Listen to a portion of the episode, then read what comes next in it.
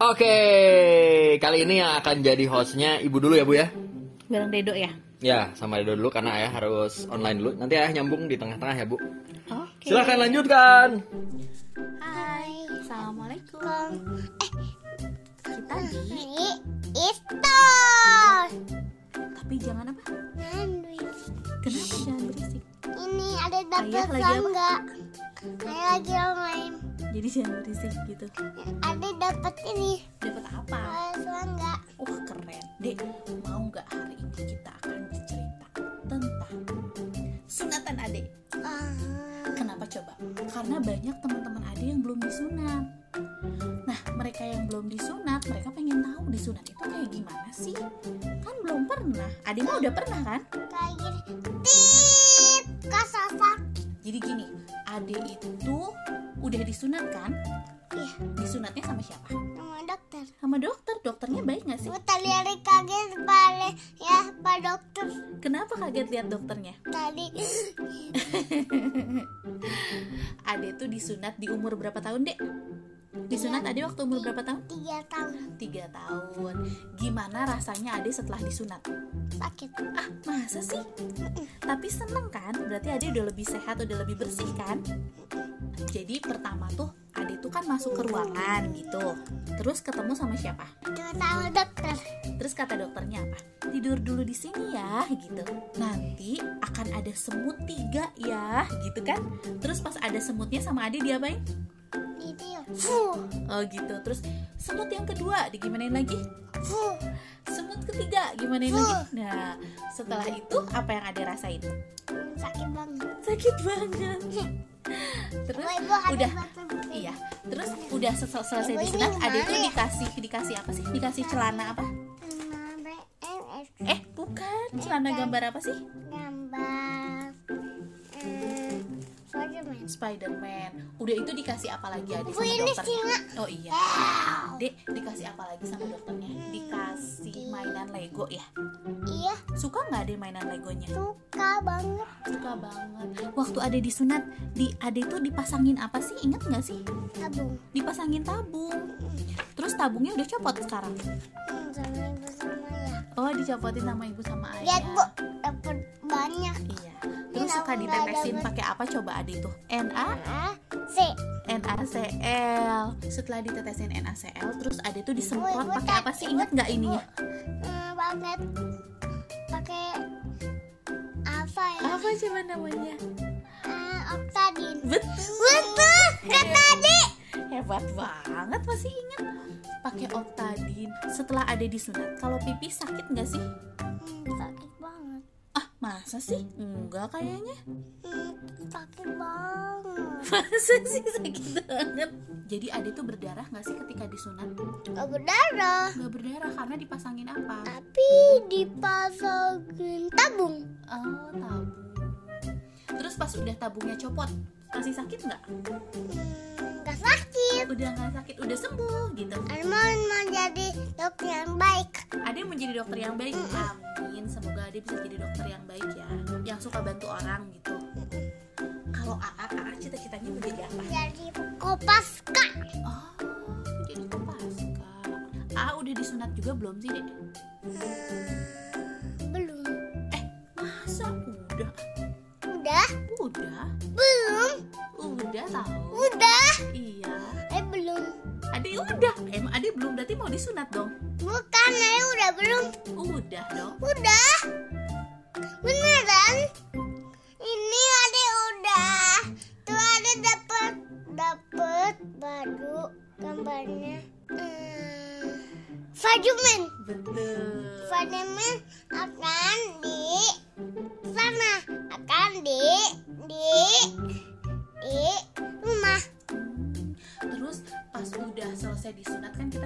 rumah.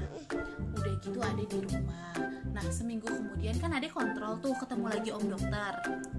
Om dokternya bilang apa sih ke Ade? Harus cepat sembuh. Oh, Ade cepet sembuh dikasih jempol ya. Ya kayak terbaik.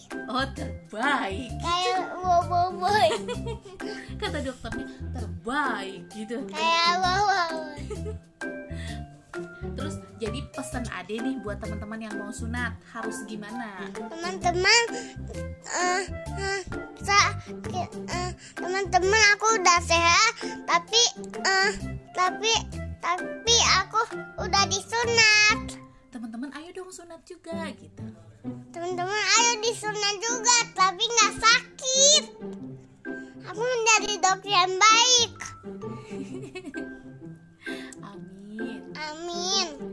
yang paling Ade seneng ketika Ade disunat? hmm, ada seneng banget Adi mau jadi dokter yang baik Iya.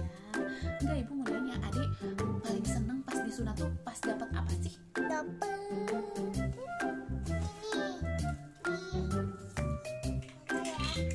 nih Tara Oh itu apa sih namanya? eh gak tahu ya Iya ibu lupa lagi apa ini adalah Sunatan aku teman-teman gitu. teman-teman harus disunat dulu tapi nggak sakit Oke, ayah nimbrung lagi nih. Jadi gimana bu? Udah ngobrol sama adek tentang dunia persunatan? Tadi dia udah cerita lumayan banyak tentang sunatannya dia. Nah sekarang versi kita ya. Ya, mungkin kita bisa bagi-bagi eh, point of view dari para orang tua yang eh, udah dua kali nyonatin anaknya. Gimana bu? AA dan Dedo, gimana bu? Nah awalnya kita tuh mikir waktu AA ya. AA tuh kayaknya usia sunat 5 tahun tadinya gitu kan. Hmm, Ternyata kodarullah di umur AA 3 tahun AA tuh kena fimosis. Nah, dokter tuh menyarankan AA buat di eh, sunat. Cuman AA tuh dulu masih pakai metode lama ya, metode yang yang kayaknya orang zaman dulu juga pakai itu dan di klinik yang memang udah terkenal dari terkenal. zaman dulu. Ah, Nah, turun temurun turun-temurun. berapa generasi? Iya benar. AA disunat umur 3 tahun karena dia fimosis. Eh, fimosis itu apa? Jadi Fimosis Kondisinya? kayak eh, ini apa infeksi saluran kencing. ya, Jadi dia demam beberapa hari, terus pas ke dokter, dokter lihat ternyata memang ujung penisnya udah mulai memerah. Mm-mm. Akhirnya dokter sebetulnya sih masih bisa diobatin sama Ag- dokter ag- dikasih. agak susah pipis ya waktu itu atau gimana? Enggak, memang sakit aja. Sakit aja ya? Oh, Oke.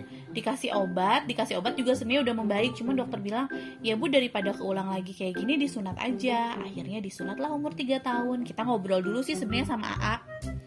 Kita ngobrol, kita kasih gambaran sunat tuh kayak gimana, akhirnya AA mau. Nah, bedanya AA sama Ade, kalau AA tuh kita tuh sebetulnya walaupun dia fimosis tapi kita ngasih rentang waktu. Hmm. Jadi dari dia sakit ke dia disunat tuh kira-kira empat bulanan lah ada. Nah selama empat bulan itu ibu tuh selalu ngasih, ah sunat tuh seru loh.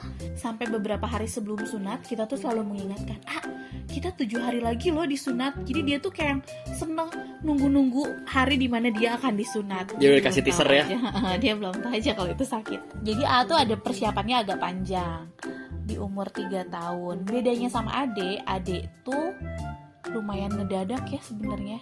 Hmm, pendek. Jadi kita tuh ngobrol sama Ade tentang sunatan sama AA juga. Terus Ade bilang Ade mau.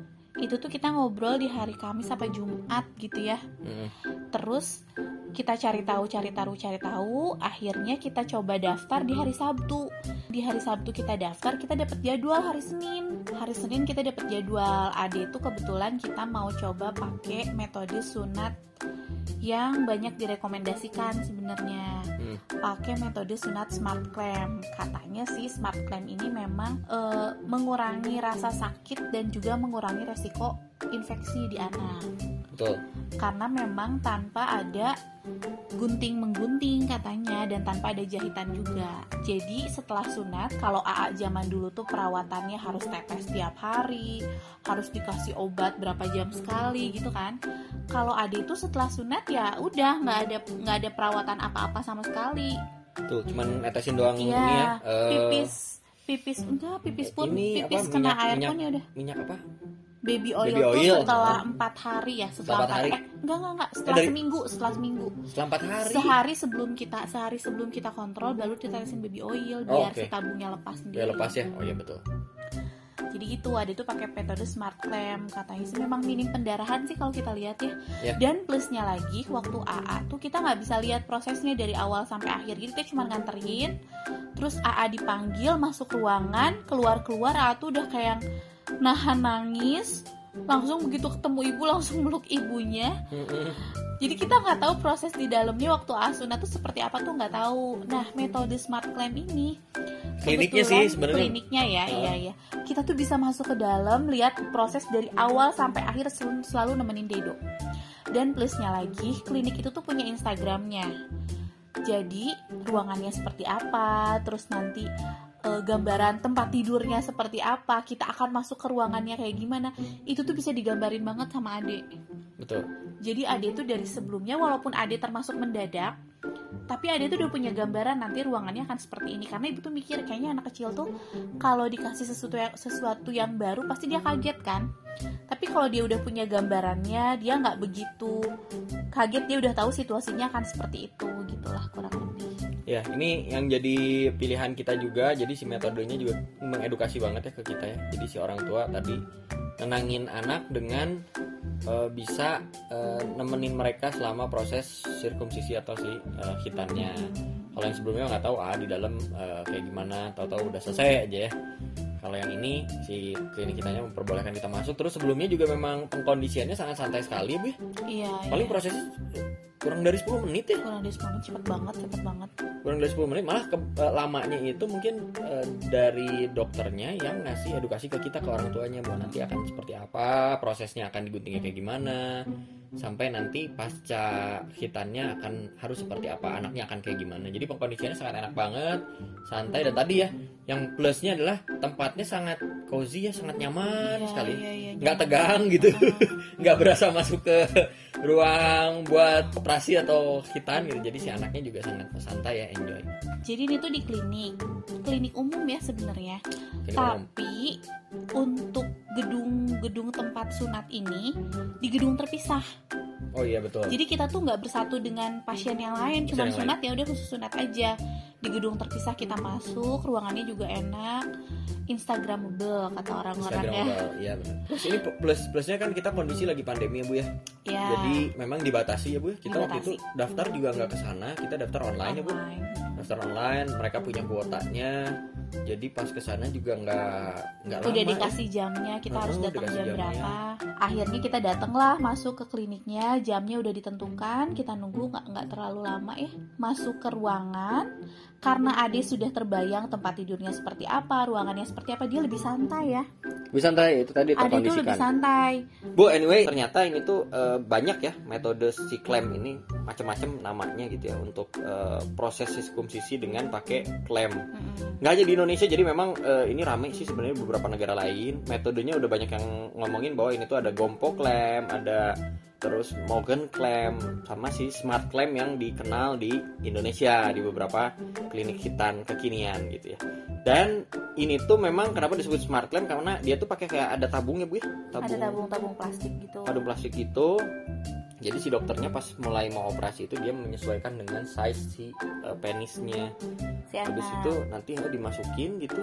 Terus ya udah cuman dilakukan operasi sedikit gitu ya si kulupnya ditarik gitu ya. ditarik ya. habis gitu ya udah gitu tidak. Memang benar sih ya bu ya? Nggak minim pendarahan kita lihat banget. Darah yang keluar tuh sedikit dikit sekali banget sedikit sekali. Langsung di kayak dijepit gitu pakai si tabung. Nah tabung itulah yang nempel terus selama satu minggu. Tabung itu tuh selama kalau dia mau pipis boleh kok kita dia dicebokin gitu ya disiram pakai air. Terus nanti kalau tabungnya basah tinggal dilap pakai cotton bud atau pakai kapas dikit ya jadi kitanya juga yang rawatnya juga nggak nggak se setakut khawatir kayak eh, AA. waktu AA dulu. Bu eh, buat pertimbangan juga untuk referensi juga mungkin bu. Antara eh, konvensional kan tadi udah ya plus minusnya dari metodenya terus pasca hitannya. Biaya eh, konvensional sama hitan smart clamp ini lebih mahal mana? oh memang lebih mahal sih smart clamp sih sebenarnya Hmm. udah mah metodenya baru juga ya terus kliniknya juga memang lebih bagus ya yang ini tuh yang kita pakai ya Lebih bagus di Bandung udah banyak belum sih? di Bandung tuh setahu ibu sih kemarin baca-baca tuh ada tiga Oh, oke. ada tiga di Antapani, Cikutra, sama yang di Buah Batu. Ibu lupa rumah Buah Batu tuh rumah sunatan kalau nggak salah. Oh, oke. Pakai si smart clamp. Kan ada juga yang pakai laser gitu kan. Nah, itu Ada bedanya yang- apa? Beda ya? Beda. Pokoknya kalau yang laser itu kan ada sayatan, Oh, terus oke. ada pendarahan juga. Nah, kalau ini mah memang yang ini benar-benar tuh memang benar-benar alami katanya sih lebih ke alami karena cuma ditarik doang Iya, gitu iya kan benar-benar. Betul. ditarik terus ada darah langsung pakai tabung ya udah selesai Berapa bu range biayanya? Kalau yang eh, AA aja ya dulu. AA itu tahun berapa ya di, AA digitalnya? tahun 2018 Berapa? 2018 konvensional? AA tuh konvensional sejuta tiga ratus gitu Sejuta tiga ratus. Dua ribu 300 2018 belas. Ade dua ribu yang dua AD puluh 2020 ini dengan sebetulnya kalau dengan smart clamp sebenarnya ada beberapa tambahan biaya lagi sih tapi kurang lebih 1,7 1,8 Setengah lah delapan udah sama obat-obatan. udah sama obat Jadi sebenarnya nggak ya ya bedanya berapa ratus ribu bu? Empat ratus ribu? Ah, ah. bedanya 400 ribu tapi ya sebenarnya kalau kita sih dari sisi orang tua yang ngelihat anak sama prosesnya gitu ya lebih puas yang Adik. ini ya yang ada ya karena memang satu ya teredukasi kitanya juga tahu prosesnya itu mungkin bu. Ada lagi yang mau disampaikan bu tentang dunia persunatan? Kalau pengalaman ibu sih terus hasil ngobrol sama dokternya juga ya. Jadi memang kalau zaman dulu kan orang tuh berpikir sunat tuh nanti nunggu anak udah gede biar nggak ribet perawatannya gitu kan. Mm-mm. karena kalau anak udah gede tuh kan lebih ngerti ketika penisnya luka dia harus seperti apa Jaga- gitu kan. Ngejaga jaga diri dia menjaga diri sendiri. Ah. tapi sebetulnya malah anak lebih kecil tuh lebih bagus dan lebih cepat sembuh ketika disunat dalam Jadi hal recovery aja atau dari segi dalam hal kesehatan segala macam dari kesehatan akan juga lebih baik oh akan lebih baik. Jadi pertama kalau anak udah disunat itu eh, resiko fimosis kayak AA tuh sangat rendah nggak? Kayaknya nggak mungkin lah anak udah disunat kena fimosis gitu kan ini dalam hal untuk menang, eh, eh, kesehatannya. kesehatan infeksi Terus- dan bakteri ya Heeh. terus yang kedua juga anak-anak tuh kalau masih kecil penyem- proses penyembuhannya lebih cepat. Tadinya kan ibu mikir emang kenapa? Ternyata anak umur 3 tahun kayak Dedo aja lah ya. Mm, Dia tuh kan udah mulai ereksi tuh. ya ketika dia mulai tegang yang tadinya ini jaringan kulit parental advisory konten ini maksudnya yang tadinya jaringan kulitnya udah mau nyatu ketika ketika dia tegang jadi dia pecah lagi kebayang gak sih nggak nggak ngerti. Jadi gini jaringan kulitnya tadi kan udah mau kering nih udah mau nyatu. Nah, antara yang luka dengan yang sembuh tuh kan? Iya betul. Jaringannya udah mau nyatu. Ketika dia tegang si jaringan yang mau nyatu tuh pecah lagi. Makanya agak agak lama proses penyembuhannya. Oh. Beda dengan anak bayi yang belum tegang si penisnya. Oh jadi bayi itu kan memang belum tegang kering. kan? Jadi cepet kering jadi karena dia ngerut aja terus. Oh oke oke jadi oke oke. cepet dagingnya cepet nyatu kayaknya gitu lah Dagingnya cepet nyatu, ya benar bu berarti sebenarnya tidak ada tidak ada saran atau eh, apa yang disuggest usia berapa sebaiknya dihitan anak laki-laki? Nggak ada ya? Jadi anak bayi pun usia bayi pun tujuh hari malah kemarin tuh kita Tujuh kita hari. anak bayi tujuh hari tujuh ya. hari dan langsung dihitan gitu dan ya? kebayang gak sih anak tujuh hari tuh tiga hari dia udah sembuh udah kering tabungnya udah copot tapi memang di tempat yang ade itu kalau bayi ada tambahan biaya lagi mungkin karena penanganannya beda, nah beda oke tapi tujuh hari sembuh. usia bayi tujuh hari pun masih am udah aman udah gitu ya? aman udah aman Oke. jadi memang direkomendasikan seperti itu zaman dulu juga kan memang gitu kan dari bayi Ya begitulah milestone-nya anak cowok adalah salah satunya adalah harus dihitan. alhamdulillah Alhamdulillah. anak cowok kita udah Sudah dua-duanya. semoga sehat nah iya. pokoknya buat para ibu-ibu yang punya anak cowok menurut kita sih kayaknya mendingan dari kecil ya Pertama dari kecil, kedua kasih edukasi sebelum mereka akan dihitan. Kenapa harus hitan? Terus eh, Iya, role mereka sebagai seorang laki-laki untuk menjadi laki-laki yang sudah dihitan itu secara agama akan seperti apa, secara kesehatannya bagaimana. Terus tadi ya Bu ya, sampai tadi kita niat banget Ibu tuh memvisualisasikan tempat nanti dia dihitan Betul, kayak gimana, penting, nanti ya. akan ketemu siapa dan dia harus ngapain gitu. Sepertinya itu yang akan lebih eh, terasa mengubah tegangnya hitanan untuk anak cowok menjadi eh, sesuatu yang eh, biasa lah ya. poinnya ke A sama ke Dedo kenapa mereka lebih semangat karena kita tuh selalu bilang ketika kita udah dihitan kita akan jadi lebih sehat gitu ya Betul, betul.